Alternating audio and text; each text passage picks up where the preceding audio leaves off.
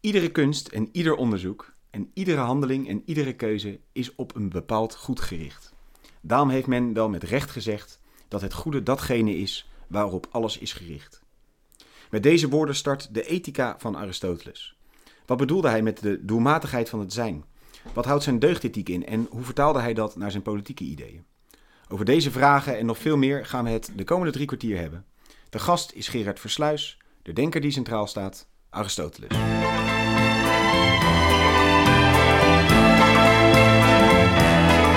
Vers les docks où le poids et l'ennui me courbent le dos. Welkom, leuk dat je luistert naar deze tweede podcast Filosofie van het Centre Erasme, School voor Filosofie in Zuid-Frankrijk, Vlaanderen en Nederland. Uh, mijn naam is Allard Amelink en het concept van de podcast is eigenlijk ten opzichte van de vorige keer uh, niet veranderd. Uh, we zitten nog steeds op dezelfde locatie. we hebben weer een hoofdgast en die gaat het hebben over één specifieke denker. En naast mij zit een, een sidekick en dat is alleen wel veranderd. Dat is vandaag namelijk Letitia Hoep. Welkom Letitia, leuk dat je er bent.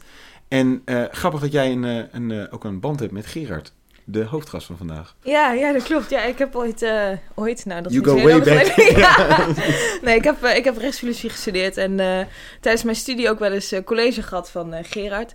Niet over Aristoteles weliswaar, maar over Plato. Ehm, ja, ja, precies, want Gerard is inderdaad uh, onderzoeker en docent aan de Universiteit van Leiden. En hij promoveert op Kant en Aristoteles. En uh, ik denk dat dat ook nog wel even te sprake zal komen. Maar uh, welkom Gerard, mooi dat je bent. Ja, dankjewel. Leuk om hier te zijn. Um, om te beginnen, een van de denk ik bekendste afbeeldingen van Aristoteles is een, een, schilderij van Raphaël uit de 16e eeuw in zijn kamers in het Vaticaan. En daarin zie je een soort krans van allemaal filosofen en in het midden de twee grote, de grote spelers, uh, Plato en Aristoteles. En waarom, uh, Gerard, hebben ze in die 16e eeuw bedacht van ja, als daar twee mensen moeten staan, dan moet één van die twee sowieso Aristoteles zijn? Ja, Plato en Aristoteles staan natuurlijk in veel opzichten echt aan het begin hè, van de hele westerse filosofische traditie. Um, en Aristoteles uh, is toch heel bijzonder, denk ik, in die, in die traditie. Ook vanwege de enorme breedte van wat hij gedaan heeft. Het is eigenlijk geen, geen tak van de filosofie of van de wetenschap van de toenmalige filosofie en wetenschap waar hij niks over geschreven heeft. Uh, over ethiek en politiek, uh, over, over biologie, over natuurkunde. Eigenlijk overal heeft hij, uh, heeft hij iets over proberen te zeggen. En ook geprobeerd om dat op zo'n manier te doen ehm, dat het ja, ook als een, als een geheel gedacht kan worden. Um, en een heel belangrijk uh, stap die hij daarin gezet heeft, is, uh, is de, de, systematisering van de, van de logica. Hij is eigenlijk de eerste die een, uh, op een systematische manier probeert uiteen te zetten wat logica eigenlijk is, wat een geldige redenering is. en dat, nou ja, dat is natuurlijk enorm belangrijk geweest voor de, voor de hele ontwikkeling van het denken. Dus eigenlijk tot, ja, tot, tot de verlichting kun je denk ik zeggen, is Aristoteles echt een van de belangrijkste filosofen geweest in het Westen. Uh, dus dat hij in de 16e eeuw uh, daar zo prominent neergezet is, is, is heel begrijpelijk. Ja, en wat terecht is ergens ook. Ja, zeker. Het, eigenlijk ja. een beetje als een soort homo universalis, dus nadat hij, dat hij ongeveer alle de disciplines raakt. Zit er een, um, een, wel een lijn inderdaad, of, of een, een soort uh, overlappende manier van denken in die al die dingen met elkaar verbindt? Ja, dat, dat denk ik wel. Uh, niet in de zin dat hij een, uh, een soort systeem heeft wat die, uh, waar hij al het andere probeert, probeert in te duwen. Hij probeert wel steeds maar vanuit concrete ervaringen en onderzoeken dingen te verklaren. Maar je ziet wel steeds vergelijkbare verklaringsmodellen terugkomen. En een van de, van de belangrijkste daarvan is denk ik zijn model van, van de vier oorzaken. En dat is tot de, tot de verlichting, tot de wetenschappelijke revolutie een heel, heel belangrijk model geweest. Um, dat, uh, dat, dat zit ongeveer als volgt in elkaar. Um, als wij tegenwoordig over oorzaken praten, dan denken wij vaak over uh, uh, actie en reactie. Een, een biljartbal die tegen een andere biljartbal aantikt, daardoor de tweede in beweging brengt. En dan is die eerste is dan de oorzaak van de, van de beweging van de tweede. Um, dat is volgens Aristoteles eigenlijk maar één soort oorzaak. Dat, dat noemt hij de efficiënte oorzaak. als je iets echt goed wil begrijpen, dan moet je volgens hem eigenlijk veel meer weten en veel meer op begrip brengen. Um, ik zal eens even kort langslopen. Um, naast die efficiënte oorzaak kent hij ook de materiële oorzaak. Uh, dat is eigenlijk waar iets van gemaakt is, uh, wat de materie is waar het uit bestaat. Um, en dan heb je de, de vormoorzaak.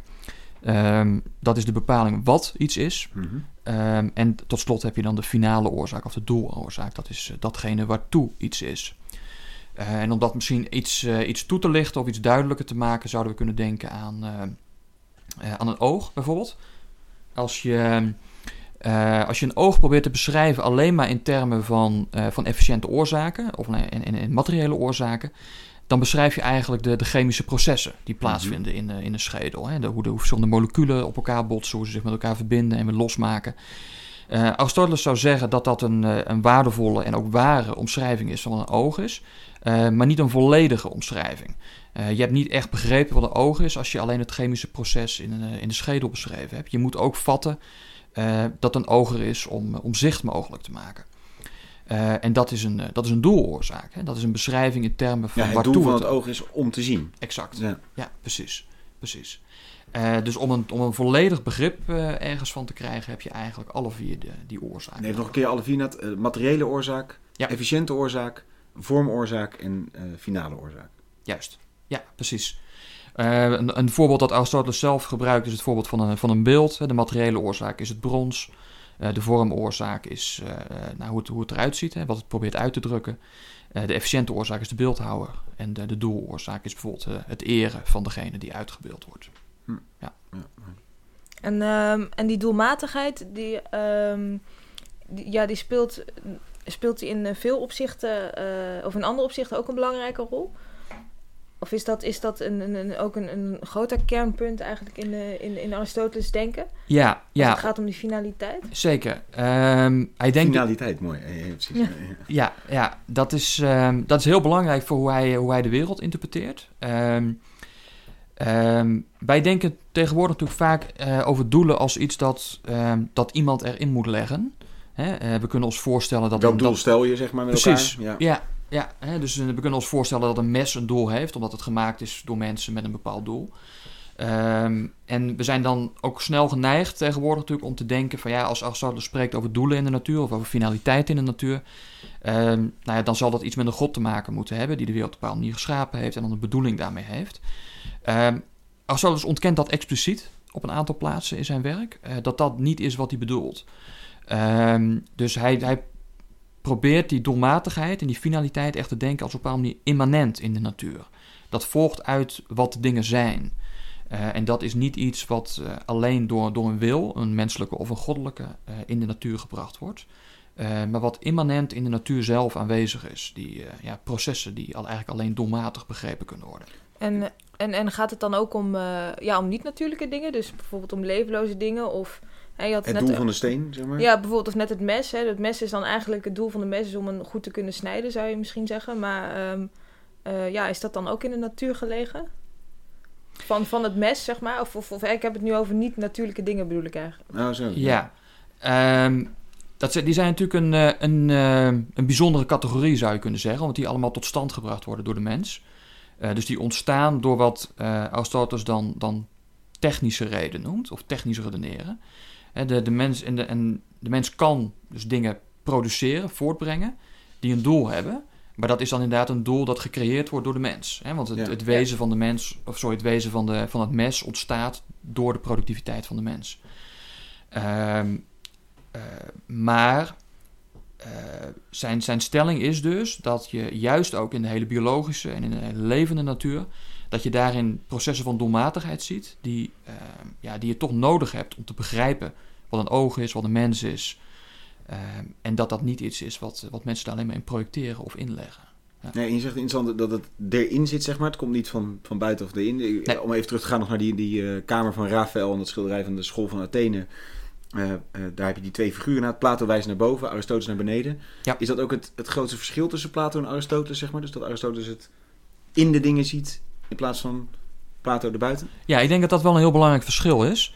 Um, um, en dat heeft eigenlijk te maken met, uh, met een van de andere vier oorzaken, namelijk de, de vormoorzaak. Mm -hmm. Plato en Aristoteles denken allebei dat uh, de mens met zijn verstand de wereld kan doorgronden, in ieder geval in hoge mate. Uh, maar als we de wereld kunnen begrijpen, dan zou daar impliciet uit moeten volgen dat de wereld op een bepaalde manier ook begripsmatig is vormgegeven. Want anders zouden onze begrippen niet, niet overeenkomen met de structuur in de werkelijkheid. Hoe bedoel je dan begripsmatig? Nou, dat dus um, als je bijvoorbeeld een begrip vormt, um, bijvoorbeeld cirkel, of, uh, maar ook uh, mens of uh, rechtvaardigheid of wat dan ook. dat als je dat wil denken als daarmee is echt iets begrepen van de wereld, dan moet de dat soort begrippen op een bepaalde manier aanwezig zijn in de wereld. Dat dat niet iets ja, is wat wij bedenken. is, dan, ja, dan is het er niet, zeg maar. Exact. Hè? Als de wereld eh, zeg maar, eh, gewoon willekeurig is, is, of chaos, of alleen maar op elkaar botsende stukjes materie. eh, dan zijn ideeën, zoals rechtvaardigheid, maar misschien ook wel zoals cirkel of wat dan ook, dat zijn dan als het ware ja, dingen die wij projecteren op die wereld, maar die wij niet ontdekken eigenlijk in die wereld. Maar En er de- gewoon zijn. Er gewoon zijn. Ja. En, en de vormoorzaak, ehm, ja, die is er dus op een bepaalde manier, zeggen Plato en Aristoteles allebei. En dat is dus eigenlijk de kern van de, van de beroemde en eh, ook beruchte ideeënwereld van, eh, van Plato. Ja. Nou, Aristoteles volgt Plato daar dus in hoge mate in. Hij was ook een leerling van Plato, toch? Exact, ja. ja hij heeft eh, grofweg 20 jaar gestudeerd onder, onder Plato in de academie. Ehm, maar hij volgt Plato niet volledig in die ideeënwereld, omdat hij dat te transcendent vindt. Hè. Hij denkt van ja, je kunt wel die, die vormen denken, die begrippen. Maar hoe is dat nou uiteindelijk verbonden met, eh, met reële, concrete dingen om ons heen? En hij vindt dan dat Plato dat niet, niet uitlegt, dat het te vaag laat. En dan eh, is zijn stelling dus eigenlijk van ja, je moet die ideeën niet in een andere wereld zoeken. Die, die vinden we in de fenomenen zelf, in de dingen zelf. Die zijn daarin aanwezig als, eh, als hun essentie.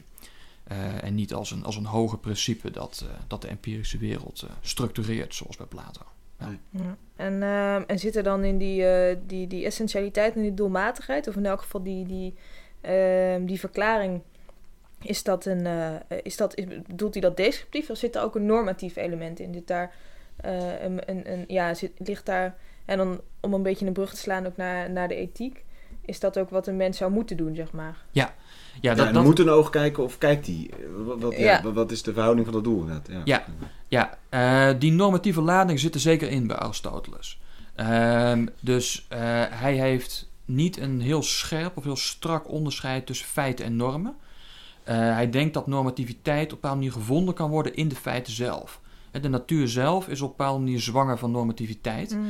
Ehm, eh, om bijvoorbeeld het voorbeeld van het oog weer te gebruiken. Nou, wat is nou een slecht oog? Ja, een oog dat niet ziet. Een, een blind oog is, is als oog slecht, want het doet niet waar het voor bedoeld is. Ehm, en zo kun je eh, ook over messen praten. En wat is een slecht mes? Nou, een mes dat bot is, waar je niet mee kunt snijden. Ja.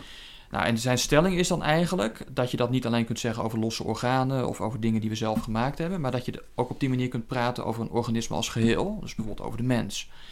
Ehm, en dan is de vraag van, nou, wat is dan dus een goed mens? Nou, een mens eh, dat zijn functie goed vervult. Eh, dus dat wat de mens eh, in essentie is, zo optimaal mogelijk, zo volledig mogelijk tot bloei brengt, zo volledig mogelijk verwerkelijkt. Ehm, en dat, eh, dat, daar zit zeker een normatieve lading in. Ja. En, en is dat dan iets universeels? Is dat eh, voor alle mensen het mens zijn gelijk? Of is dat voor ieder mens een, een ander ding? Ehm, kijk, verschillende mensen hebben natuurlijk verschillende talenten en verschillende beperkingen. Eh, soms ook verschillende opvattingen over, eh, over wat het leven is of wat ze, hoe ze zichzelf begrijpen. Maar Aristoteles denkt toch dat daarachter uiteindelijk eh, er wel zoiets is als de vorm of de idee mens. Eh, dus dat er, dat er zoiets is als een menselijke natuur waar we wel allemaal eh, eh, in betrokken zijn. Eh, een essentie die we toch met elkaar delen ook. Ehm, eh, en om die reden denkt hij dat je in, toch ook in algemene zin iets kunt zeggen over, eh, eh, over het mens zijn, over wat een groep mens is, over wat, ja, wat, wat een mens zou moeten doen met zijn leven. En, en zei je dat, het klinkt misschien, het klinkt een beetje abstract eigenlijk, want wat, wat betekent dat nou eigenlijk, dat je als mens ja, je Ja, functie goed goed, mens zijn, vervult? ja, Ja, wat, ja. Wat, kan je dat iets concreter maken? Eh, ja, go goede vraag. Ehm, dan moet je volgens Aristoteles eigenlijk de vraag dus stellen van ja, wat is, wat is, wat is eigenlijk een mens? Hè? Dus wat is de vorm van de mens? Wat is de vormoorzaak? En daar kun je dan eh, dus ook uit begrijpen wat zijn, wat zijn functie, wat zijn taak is. Nou, en wat, wat nou eigen is aan de mens is, eh, nou, er zijn een aantal dingen natuurlijk, maar eh, onder andere dat wij, dat wij over een verstand bes- beschikken. Eh, dus wat is, wat is een van de functies van de mens? Nou, namelijk dat we ons verstand dus tot, eh, tot verwerkelijking brengen. Dus dat we verstandig worden. Ehm, en dus op die manier probeert hij dan over de, over de menselijke natuur na te denken. En dat probeert te begrijpen in termen van allerlei verschillende functies. En als zo'n functie dus goed ontwikkeld wordt, ehm, dan is sprake van een deugd. Hè, dan is de mens in die functie voortreffelijk of goed, of heeft hij zijn, eh, zijn bestemming bereikt. Ehm, hè, we hebben allemaal honger, we hebben allemaal dorst. Eh, dat zijn de, als het ware normale natuurlijke functies. Eh, wanneer worden die nou goed vervuld? Nou, op het moment dat je matig bent. Hm. Ehm, ja, of wanneer gaan we op de goede manier om, bijvoorbeeld met angst of met ons instinct tot overleven? Nou, als we daar de juiste, de juiste maat in gevonden hebben, de juiste verwerkelijking, dan noemen we dat moed. Ehm, zo Ja, probeert... En dat ligt dan tussen roekeloosheid en, en lafheid in of zo. Ja, precies. Ja, Want ja, het is natuurlijk best wel lastig om nou te zeggen eh, wat moed precies is. Eh, het is vaak makkelijker voor mensen om te begrijpen eh, wat ze niet moeten doen dan wat precies de juiste maat is. Dus het is dan om te ontdekken wat, het, wat, wat de norm is, is het, is het nuttig om na te denken over wat, wat het tekort en wat het teveel is. Dus roekeloosheid bijvoorbeeld of lafheid. Ehm, en als je dan probeert om daar als het ware vandaan te sturen in je leven, eh, dan, dan raak je op een gegeven moment een, een midden. eh, dat niet middelmatigheid is, maar dat eigenlijk een optimum is. Maar dat, dat ontdek je ja, als een soort Hey, vuistregel inderdaad, door de extreme te vermijden. En dat- als- en dat- oh ja, sorry, sorry. Nou, dat doe je dus op een, op een praktische manier eigenlijk, als Ja. ik het zo begrijp. Daar zit dan een element in van, eh, Ja. ja, je moet dit gaan doen. Het is niet iets wat je redelijkerwijs kunt, kunt argumenteren. Je moet jezelf vormen, als het ware. Ja, ja ehm, ik denk dat je het wel zou kunnen beargumenteren, deels volgens, eh, volgens Aristoteles, omdat het dus afhankelijk is van, eh, van vormoorzaken en van finale oorzaken, en die zijn te begrijpen. Ehm, alleen om zo'n deugd echt te verwerven, is meer nodig dan dat. Je kunt wel tegen iemand in een klaslokaal zeggen: eh gij zult niet doodslaan, gij zult niet stelen of wat dan ook. Eh, maar daarmee is nog niet gegarandeerd dat iemand niet steelt of wat dan ook. Je kunt iemand uitleggen wat moed is, maar daarmee is die persoon nog niet moedig geworden. Dus als we de, de, de deugden willen verwerven, dan doen we dat altijd in, eh, in de praktijk inderdaad, door dingen aan te leren. Ehm, ethiek is voor Aristoteles karaktervorming in de kern. Het Griekse woord ethos betekent ook karakter. Dus wat is moed? Dat is eigenlijk een bepaalde karaktereigenschap, zou je kunnen zeggen. Net zoals matigheid dat is. Eh, en dat moet je dus leren, dat moet je verwerven. En dat doe je in de praktijk door goede gewoontes aan te leren. Want Door- een karaktereigenschap is dus net niet iets zoals wij het vaak in onze taal gebruiken van ja, dat is nu eenmaal mijn karaktereigenschap, maar Ja. is meer dus een te verwerven competentie haast of zo zeg maar. Ja, ja, Ja, precies. deugd dus. Ja. Ja, e- exact. Ehm, ehm, we hebben natuurlijk allemaal eh, van nature of vanaf de geboorte ehm, bepaalde aanleg voor bepaalde karaktereigenschappen. Sommige mensen zijn van jongs af aan driftiger dan anderen. Ehm, dat ziet Aristoteles ook. Ehm, maar daar kun, je, daar kun je in groeien als het ware. Je kunt beperkingen overwinnen, je kunt talenten tot ontwikkeling brengen. Ehm, en dit loopt dan misschien altijd tegen bepaalde grenzen op. Maar het is mogelijk om je karakter te vormen, is zijn grondovertuiging. En dat is ook de kern van wat ethiek is. De, de kern van ethiek is dus nou, zodanige levensstijl eh, tot stand brengen dat je je karakter, dat je je ziel zo, zo volledig mogelijk verwerkelijkt en eh, zo optimaal mogelijk eh, ja, Ja. de functie leeft. En je noemt net een paar, matigheid en, en, en moed. Heeft hij een set aan deugden? Is er een soort palet? Of is er een... Ja, er is een, er is een hele lange lijst. eh, maar de, de moed en de matigheid zijn, zijn zeker de belangrijkste deugden van het karakter. Ehm, omdat de matigheid uiteindelijk gaat om wat we, wat we verlangen, hè, waar we naar streven. Eh, en, en de moed eh, eh, heeft te maken ook met niet zozeer misschien wat we niet verlangen in de zin van, van genot, maar juist het tegenovergestelde hoe we omgaan met pijn. Hm. Hè, dus of dat we onze rug recht kunnen houden als het leven tegenzit, of dat we niet weglopen als het moeilijk wordt, of als de, als de angst dichtbij komt. Dus de, de, de, de moed en de, de matigheid zijn eigenlijk de belangrijkste morele deugden. Ehm, en die, die worden mogelijk, denkt hij wel, door wat hij dan intellectuele deugden noemt, waarvan eigenlijk de belangrijkste de verstandigheid is Ja. voor de ethiek. Eh, want je moet in concrete situaties steeds kunnen zien wat je, wat je moet doen. Ja. En dat, dat vergt verstandigheid. Hè, moet ik wel of niet weglopen? Mag ik dit wel of niet eten? Enzovoort. Ja, en hij, hij noemt dat een praktisch intellect of zo. Is, Ja. dat, eh, is dat juist? Ja. Klopt, klopt. Ja. Ehm, dus we hebben het eerder in het gesprek even gehad over de, over de technische reden, hè, waarmee mensen dus dingen maken. Ehm, en dat onderscheidt hij inderdaad van praktisch redeneren.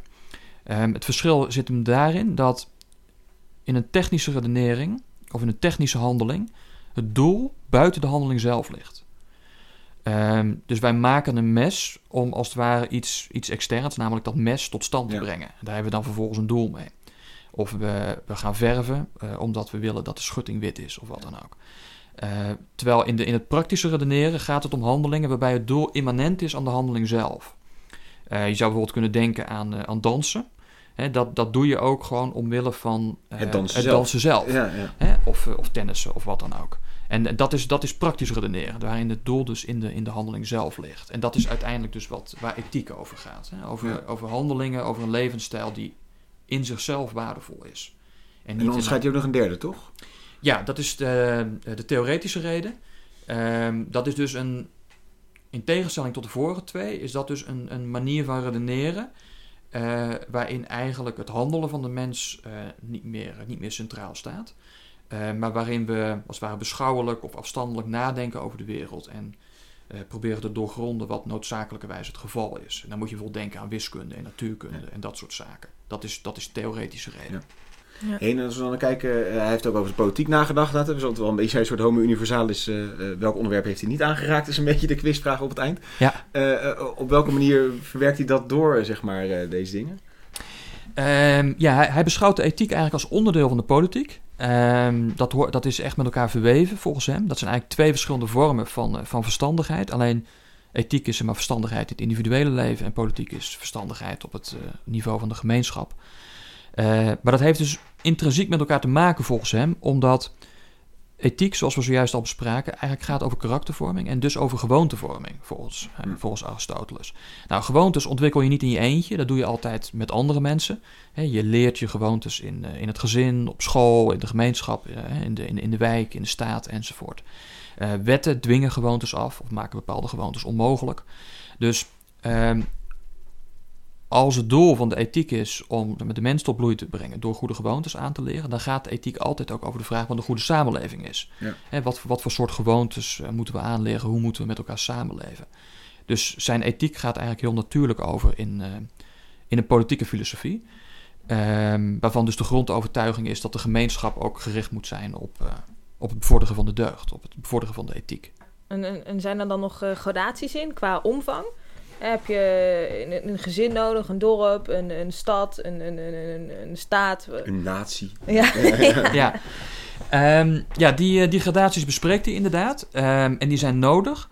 Ehm, ehm, hij denkt dat, het, dat een gemeenschap als een, als een familie bijvoorbeeld dat dat te klein is. Dat is wel noodzakelijk, eh, maar alleen als deel van een groter geheel. Eh, tegelijkertijd denkt hij wel dat er ook echt een, een bovengrens is. Ehm, want als een samenleving te groot wordt, dan kom je op een gegeven moment op een punt waarop mensen elkaar niet meer kennen. Eh, soms ook heel de familie niet, waar de ander toe behoort. Eh, en het gevolg daarvan is eh, dat mensen ook minder oog hebben, dat is logischerwijs voor elkaar. En de samenleving dus als het ware onpersoonlijker en anoniemer wordt. En het gevolg daarvan is dat als mensen minder oog voor elkaar hebben, dat mensen ook minder effect, impact hebben op elkaars gewoontes. Hè, dus minder sociale controle Ja. bijvoorbeeld. En dat leidt, of dat kan leiden dus tot, eh, nou ja, tot laksere gewoontes, tot slechtere gewoontes, tot, eh, tot achteruitgang in de deugd. En dat betekent dat grote samenlevingen volgens Aristoteles altijd een soort tweeledig gevaar in zich hebben. Namelijk of om uit elkaar te vallen en tot anarchie te vervallen, eh, of, of juist tot tirannie. Omdat er dus een machtsconcentratie plaatsvindt Hmm. in, een, in een groep die eigenlijk ja, niet meer geïnteresseerd is in de rest van de samenleving, voor wie dat toch maar een abstractie geworden is. Ja. Dus de ideale omvang eh, is, denkt hij, eh, eigenlijk grofweg de, de antieke Griekse stadstaat. Eh, dus een, een gemeenschap, ja, grofweg van wat wij tegenwoordig een provinciestad zouden vinden. Ehm, en ik denk dat je... Apeldoorn als, Ja, als, als soort van... ja. ja. ja. Ehm, kijk, het is natuurlijk makkelijk om dat, om dat af te doen als van ja, dat was ook de gemeenschap die die kende. Ehm, deels is dat, is dat waar, eh, deels En die ook bedreigd werd eh, in die Exact, ja. Dat, ehm, eh, en dat maakt het ook ehm, ja, dat, je eigenlijk, dat je dat niet op die manier af zou moeten doen, denk Hm. ik. Hè? Want het was niet zo dat hij alleen die omvang kende. Hij was ook bekend natuurlijk met het grote rijken van Perzië en Egypte. En op het moment dat hij leefde is Alexander de Grote zijn grote rijk aan het opbouwen.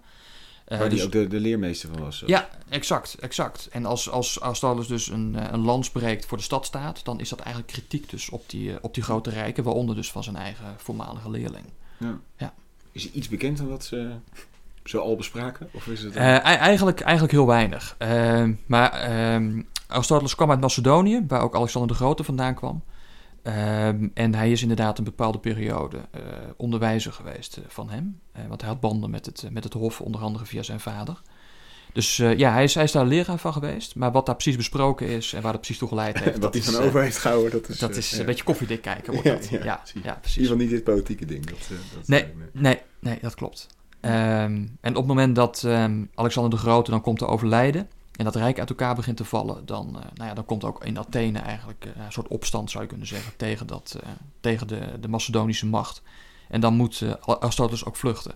Hm. Want Dan ja, wordt het toch als een buitenstaander gezien. Zeg maar. Exact, daar wordt hij toch gezien als die Macedonië die op de een of andere manier banden zou hebben met dat hof, kennelijk. Dat is in ieder geval een, een gangbare interpretatie van wat er gebeurt. Ehm, terwijl eigenlijk, als je je verdiept zou hebben in zijn politieke filosofie, je toch eigenlijk hem niet zou kunnen verdenken nee, van sympathie voor Alexander. Ja. Helder. Ja, nog eh, over dat, eh, dat, dat politieke denken. Ehm, ja, wij, wij leven in een, eh, in een democratie. We kennen eigenlijk niet anders. En we vinden dat vaak ook, ook een goede staatsinrichting. Ja. Ehm, als het gaat om die, die inrichting van die, die staatsinrichting van die, van die politieke stadstaat van Aristoteles. Ik geloof niet dat hij... hij was geen voorstander van een democratie. Aristoteles ehm, stelt eigenlijk dat er grofweg zes verschillende staatsvormen mogelijk zijn, waarvan democratie er dus maar één is. Ehm, en dan zegt hij heel schematisch, de werkelijkheid is natuurlijk complexer, dat zegt hij zelf ook, maar heel schematisch kun je de, macht concentreren in één persoon, in een kleine groep of, eh, of verspreiden over heel veel mensen. En dat kun je eigenlijk alle drie zowel op een goede als op een slechte manier doen. Als een koning heel deugdzaam en heel wijs is, dan, dan kan dat goed gaan en dan kan dat een acceptabele staatsvorm zijn. Maar dat ontaardt natuurlijk makkelijk in tirannie. Dus dat is, dat is dan de omslag tussen de goede en de, en de slechte eh, machtsconcentratie in één persoon. Nou, iets vergelijkbaars kan volgens hem dus ook gebeuren als je macht spreidt over heel veel mensen. Eh, en dan noemt hij de slechte variant, noemt hij inderdaad democratie.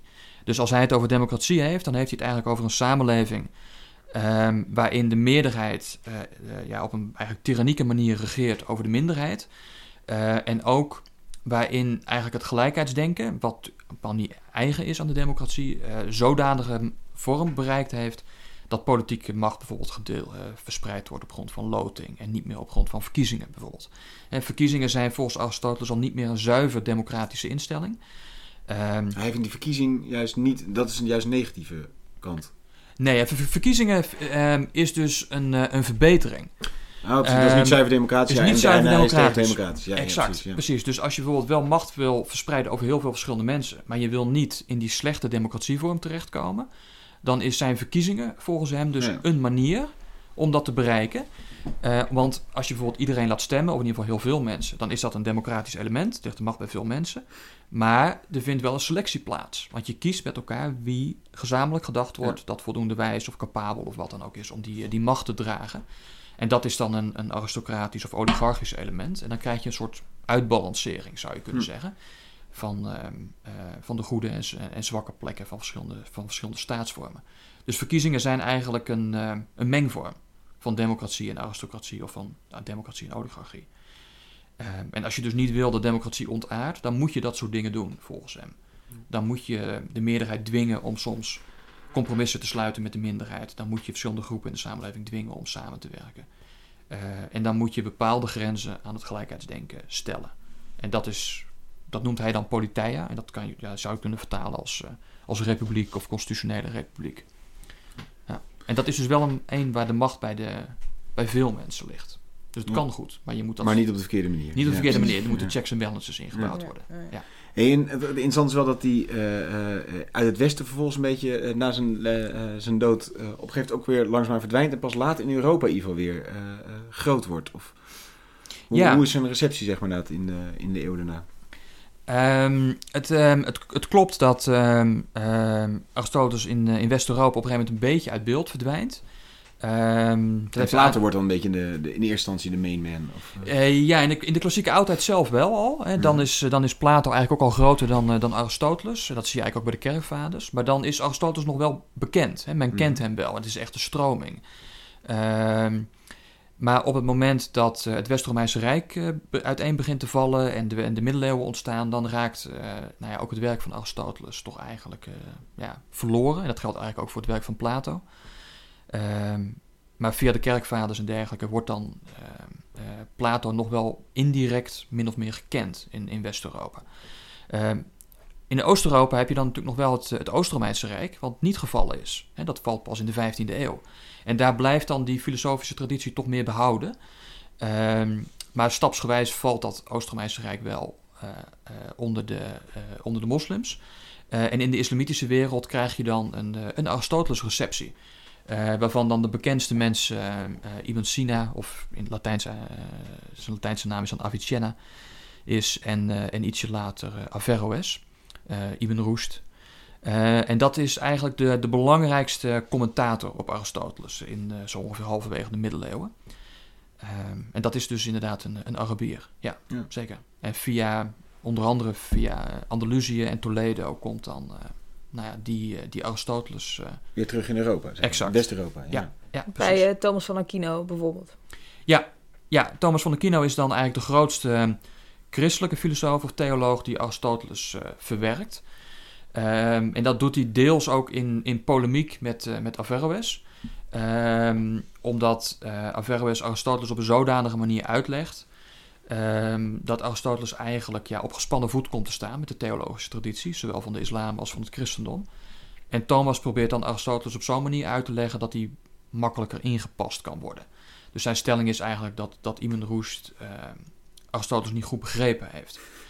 Ehm, en dat, eh, ja, dat, dat is in de middeleeuwen dus een, groot debat. Want je hebt ook onder, onder christelijke theologen dan heel veel uh, nou Averroïsten, zeg maar, die dus Aristoteles begrijpen zoals Averroes. En dat, dat loopt uit uiteindelijk op een heel debat over de verhouding tussen, tussen geloof en, en reden. Omdat dus dat debat over Aristoteles eigenlijk nou ja, het karakter krijgt van ja, Aristoteles is de grootste filosoof die we kennen. Als dit is wat de natuurlijke reden vermag, ja, dan hebben we een probleem als dat dus niet strookt met de theologie. Want dan, dan krijg je dus van ja, zijn er dan twee waarheden, een van de reden, een van het geloof? Of hoe zit dat? Uh, en dat ligt dan natuurlijk gevoelig. En, de, en, Thomas probeert dan dus te betogen van nou, uiteindelijk is er wel degelijk één waarheid, namelijk die van de reden en het geloof vervolmaakt die alleen. Maar daarvoor is dus polemiek met de islamitische Aristoteles receptie nodig. En, en ergens is in, in een beetje zo snel over nadenken, we hadden net over Plato die naar boven wijst en Aristoteles naar beneden. Dan is Plato ergens een logischere koppeling met het christelijk geloof. Hoe, hoe, waarom is niet Plato uh, veel leidender, zeg maar, in... Uh... Ja, dat is een goede vraag. Um, ik denk eigenlijk dat in een groot gedeelte van de, van de christelijke traditie Plato ook leidender geweest is. Okay. Als je naar de kerkvaders kijkt bijvoorbeeld, neemt Plato echt een grotere rol in dan, uh, dan Aristoteles. Um, maar op het moment dat, dat ze allebei als het ware een beetje uit beeld verdwijnen, dan wordt eerst Aristoteles herontdekt voordat ja. Plato wordt herontdekt. Ja. Um, en dan helpt het misschien zelfs in zekere zin dat Aristoteles wat aardser is. Um, en wat minder hoog metafysisch uh, denkt en wat minder uitgewerkt ook over de, grote, over de goden spreekt dan Plato. Um, dat maakt het dan op een bepaalde manier ook juist makkelijker om hem, uh, om hem te, te incorporeren. Hè? Als een uitwerking van de natuurlijke reden die niet per se problematisch is voor wat boven de natuurlijke reden uit geopenbaard zou zijn. En dat ja, maakt juist zijn aardsheid is eigenlijk zijn, zijn, zijn unique selling point. Dus in zekere zin ja. ook, ook weer een kracht dan, wat, ja. wat receptie eenvoudiger maakt. Ja, ja, dat denk ik wel. Um, en wat natuurlijk ook, ook wel helpt, is dat Aristoteles wel aardser is, maar ook zeker geen, geen atheïst. Dus hij gelooft wel degelijk ook dat er een god bestaat en heeft ook een aantal godsbewijzen ontwikkeld. eh, die dan in de, in de scholastiek eh, natuurlijk ook... Gretig aftrek vinden. exact, Ja, precies. ja, Ja, ja. ja, precies. En eh, ja, als we verder kijken, meer richting, eh, meer richting de verlichting. En ehm, ja, daar is ehm, de deur toch wel een beetje dichtgeslagen op een gegeven moment voor, eh, voor Aristoteles. Ik denk ja, te beginnen bij Hobbes, later bij Kant en eh, andere verlichtingsdenkers. Ja.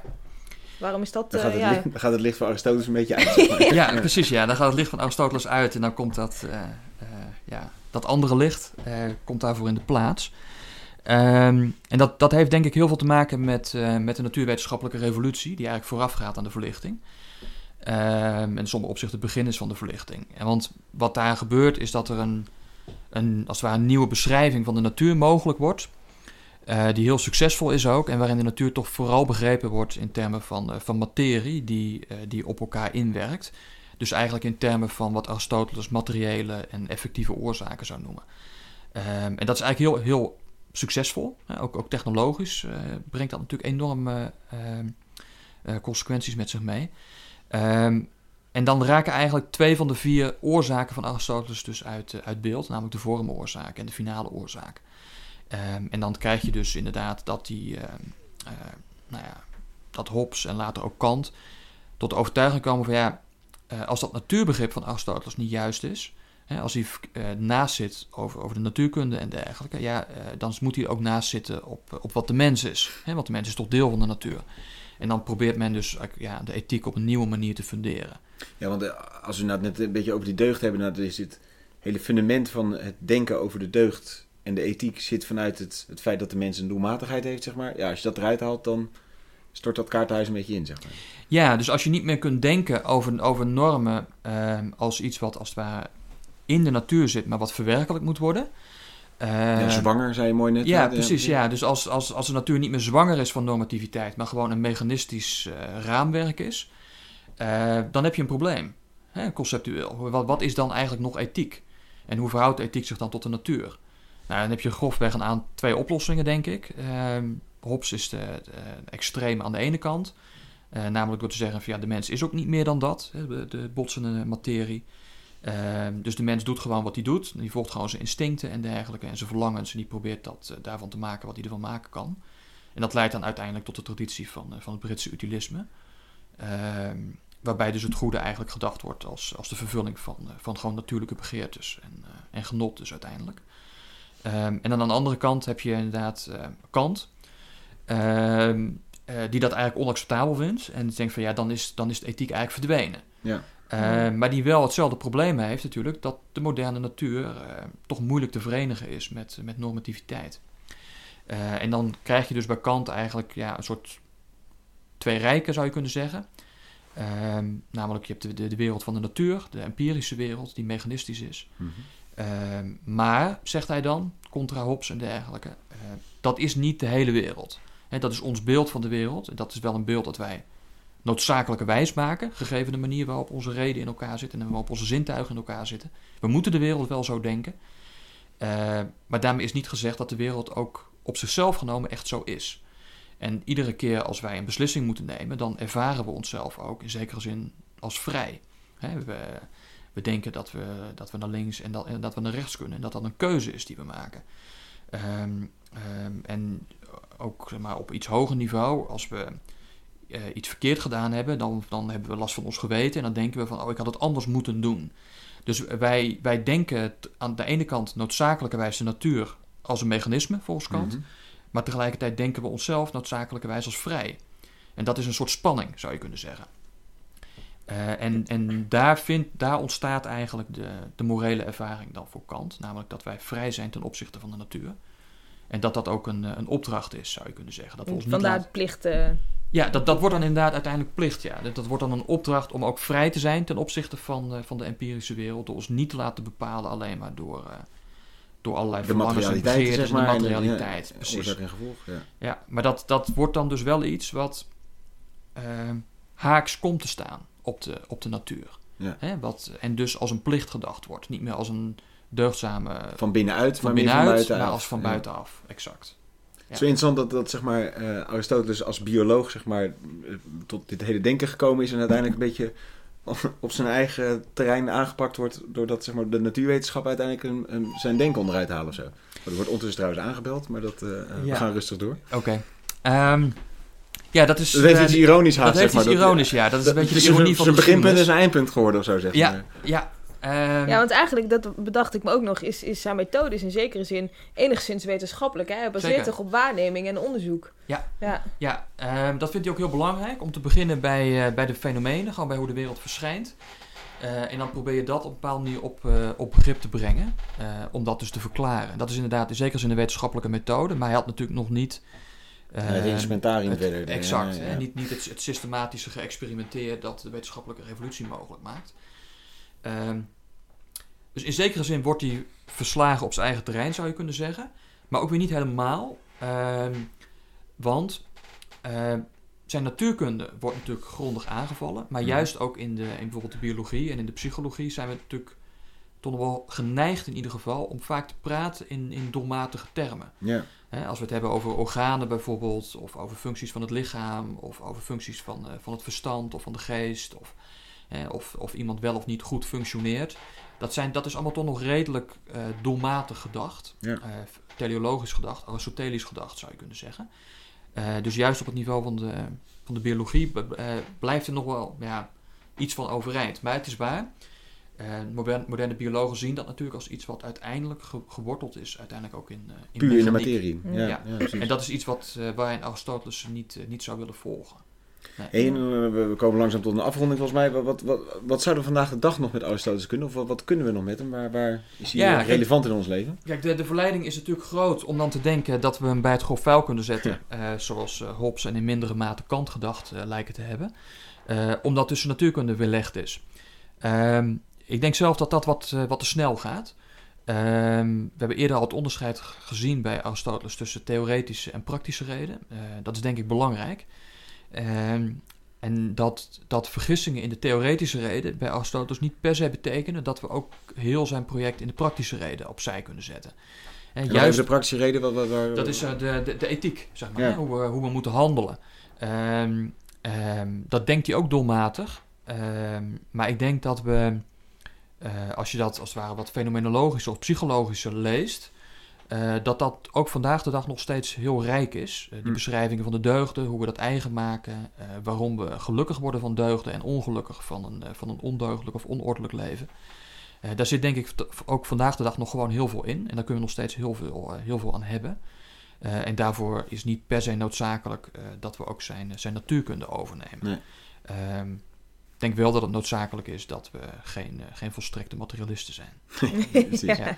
Nee, want dan, ja, dan heeft het geen enkele zin om eh, eh, daar nog verder over na te denken, zeg maar. Ja. Ja, dan, eh, ja, dan wordt iedere zingeving natuurlijk op een bepaalde manier of iedere doelmatigheid toch, een, toch problematisch. Ja. Ja. Ja, ja. En terwijl het voor, voor Aristoteles wel zodanig wezenlijk is, die, door, die, die doelmatigheid, ehm, ja, dat je dat ook weer niet te ver tussen haken kan zetten. Hè, ja, je- misschien kunnen we dat niet handhaven op het niveau van de, van de natuurkunde, maar als we het nergens zouden kunnen handhaven, omdat alles echt alleen maar natuurkunde is, ja, dan heeft Aristoteles wel echt een probleem natuurlijk. Hey, dank. Volgens mij zeer interessant. Ehm, als we nog wel tot slot een hele praktische vraag. eh, als we ergens zouden willen starten in Aristoteles, waar, eh, waar eh, vangen we aan? Eh, ik denk dat ehm, Dus meest... liggen hier voor de duidelijkheid twee hele lijvige werken van de complete werken van Aristoteles. ja, die zullen we maar niet aanraden Ja, om te beginnen. Die vallen wat zwaar op de maag als ik ze zo zie al in eerste instantie. Ja, ik, ik zou beginnen met de Ethica Nicomachea, eh, of de Nicomachische ethiek. Dat is ehm, een werk dat ook vandaag de dag nog steeds erg relevant is, denk ik. Ehm, En dus eh, op die praktische kant ingaat eigenlijk. Exact, Ja. precies. Dat is over de ethiek gaat, dat over de praktische reden gaat, dat over het leven gaat. eh, en waarin dus allerlei dingen staan over eh, deugden, over karaktervorming, over goede en slechte gewoonten. waar we denk ik vandaag de dag ook nog steeds ons voordeel mee kunnen doen. En ik denk dat de moderne natuurkunde geen afbreuk heeft gedaan aan de, nou ja, aan de betekenis van dat Nee. boek. Dat we dat ook na de wetenschappelijke revolutie nog steeds zinvol kunnen lezen. Nou, in eh, de eerste zin had je al cadeau gekregen, want dat was de opening van deze podcast. Dus, Ja, eh, die mag je overslaan. ja, precies. Hey, hartelijk dank Gerard en dankjewel ook Letitia. was eh, ik weer mooi interessant. En eh, we gaan eh, weer ook door met deze podcast. Heb je nog opmerkingen of eh, ideeën? Laat het vooral achter in de comments hieronder. Dus eh, dank voor het luisteren en tot een, een volgende keer. soleil. Emmenez-moi au bout de la terre, emmenez-moi au pays des merveilles. Il me semble que